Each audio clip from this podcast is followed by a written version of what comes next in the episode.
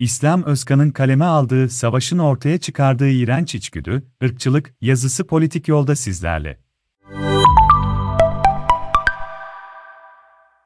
Edward Said, bütün dünyada doğu çalışmalarının seyrini değiştiren ve batılı üniversitelerin mühendisliklerde dahil bütün bölümlerinde temel ders kitabı haline gelen Şarkiyatçılık adlı eserine şu cümlelerle başlar. 1975-76'daki korkunç iç savaş sırasında Beyrut'ta bulunan bir Fransız gazeteci, yerle bir olmuş kent merkezi için, burası bir zamanlar Chateaubriand ile Nerval'in şarkına, aitmiş gibi görünürdü diye yazmıştı yana yakıla. 75'ten bu yana yaklaşık 47 yıl geçmesine rağmen batılı varoluşa hitap ya da bu varoluş biçimine tealluk eden bir savaş çıktığında aynı sözcük ve cümlelerle karşılaşıyoruz. Rusya'nın Ukrayna'da başlattığı savaş, bu negatif duyguları yeniden depreştirdi. Örnek mi? Verelim. Amerika Birleşik Devletleri kanalı CBS News muhabiri Charlie Dagata canlı yayında, Burası 10 yıllardır kaosla yaşayan Irak veya Afganistan değil. Burası böyle şeyleri görmeyi hiç ummadığınız medeni Avrupalılara has bir kent demiş. Bu ifadeleri kullanması sosyal medyada bayağı ses getirmiş ve izleyenleri şaşırtmış. Muhabirin sözleri Twitter'da 1,5 milyondan fazla kez görüntülenirken kullanıcılar Dagata'nın ırkçı söylemini tarihi bir hata olarak yorumlamış. Bunu söyleyen sadece Kıs'in Amerikan vatandaşı Charlie Dagata muhabiri olsaydı dil suçmesi,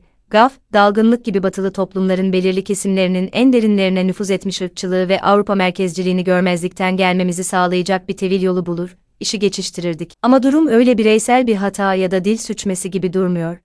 Zira İngiltere'den meslektaşı ITV News muhabiri Luigi Watson da benzer söylemlerle ırkçılık kervanına katılarak bir tren istasyonundan yaptığı yayında, Ukraynalıların başlarına düşünülemez bir şey geldi. Burası gelişmekte olan bir üçüncü dünya ülkesi değil, burası Avrupa ifadelerini kullanıyor. Irkçılık tonu burada düşse de yine Batılıları diğerlerinden ayıran egosantrik bir yaklaşımla karşılaşıyoruz. Batılı toplumlar içerisindeki bu ırkçı damarı ki bütün Batılıları aynı kefeye koymamak gerekir mi keşfeden Siyonizmin fikir babası kabul edilen Herzl olmayacaktır. Ondan daha önce de bunu keşfedenler oldu. 1896'da yazdığı Yahudi Devleti adlı kitabında Herzl, mealen, antilemitizmin Avrupalı insanın kanına işleyen bir olgu olduğunu, ve batılı insanın zihin dünyasından söküp atmanın mümkün olmadığını, tek çarenin kurulacak bir Yahudi devletinde olduğunu söyler. Onun bu tespitini doğrulayacak yeterince malzemeyi, Ukrayna Savaşı başladıktan bu yana sadece bir haftalık bir süre içerisinde yine beyaz ve sarışın ırktan gelen batılı gazetecilerin verdiğini görüyoruz. Bu konuda İngiliz'i, Fransızı ve hatta Ukraynalısı bile çok farklı değil. BBC'ye konuşan Ukrayna'nın eski başsavcı yardımcısı David Sakvarelidze'nin canlı yayındaki açıklamalarında yeniden ete kemiğe bürünüyor. Benim için bu yaşananlar çok duygusal. Çünkü mavi gözlü ve sarı saçlı Avrupalıların öldürüldüğünü görüyorum. Ukraynalıların korkusunu anlayabiliyorum. Elbette Amerika Birleşik Devletleri ve AB Ukrayna'ya müdahaleye teşvik sadedinde bir takım sözler sarf ediyorlar ve muhtemelen bu ırkçı sözleri de teşvik bağlamında anlam kazanıyor. Ancak başka kelimeler seçilemez miydi? Irkçılık yapmadan Amerika Birleşik Devletleri ve AB, Ukrayna halkının yaşadığı trajediye önlemeye çağrılamaz mıydı? Öte yandan Fransız kanalı BFM TV'de konuşan başka bir yorumcu, Putin'in desteklediği Suriye rejiminin bombalarından kaçan Suriyelilerden bahsetmiyoruz. Avrupalıların bizimkine benzeyen arabalarla kendilerini kurtarmak için ayrılmalarından bahsediyoruz dedi. Fransız gazeteci Ulisse Gossetti ise yaptığı bir yayın sırasında, 21. yüzyıldayız, bir Avrupa şehrindeyiz ve sanki Irak'ta ya da Afganistan'daymışız gibi seyir füzesi ateşi var, hayal edebiliyor musunuz? İfadelerini kullandı. Öyle görünüyor ki savaşın bu kez Avrupa'ya taşınmış olması, bazı batılıların korkularını depreştirmiş, aradan geçen 10 yıllardan sonra savaşın karanlık yüzünün bir kez daha yaşlı kıtaya dönmüş olması onları dehşete düşürmüş olmalı. Savaş bu nereye konacağı belli olmaz. Canlı yayında milyonların karşısında konuştuğunun farkında olan bu sözde gazetecilerin örnekleri o kadar çok ki,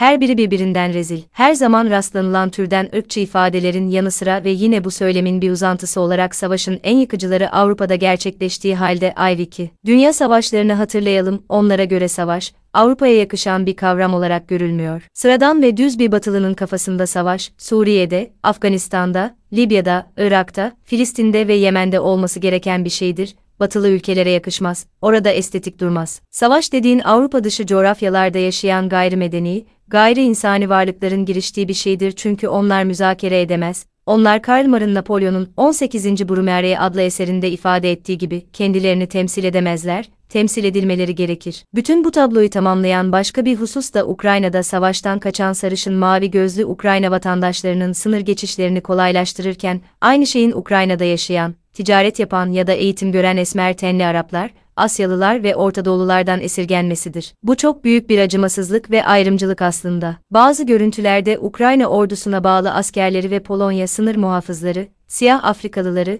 Arapları ve Hintlileri engellerken beyaz Ukraynalılara hoş geldin diyorlar. Mesele sadece bununla da kalmıyor. Ukraynalı ve Polonyalı polisler savaştan kaçan Afrika, Arap ve Asya uyruklu mültecilere yönelik ırkçı, aşağılayıcı ve aşağılayıcı ifadeler de kullanıyor. Savaş zamanlarında maalesef insan içgüdüsü tüm çirkin yönleri tezahür ediyor. İnsan güdülerinin en iğrenç yönleri ortaya çıkar. Bu durumda ırkçılık tüm çirkinliği ve uçarılığıyla, Ukrayna halkının yaşadığı trajediyle dayanışmasının önündeki en büyük engel olarak görülebilir. Batılı toplumlar kendi içlerindeki ırkçı unsurları yüzyıllardır aşamadı bundan sonra aşabilir mi? Allah bilir.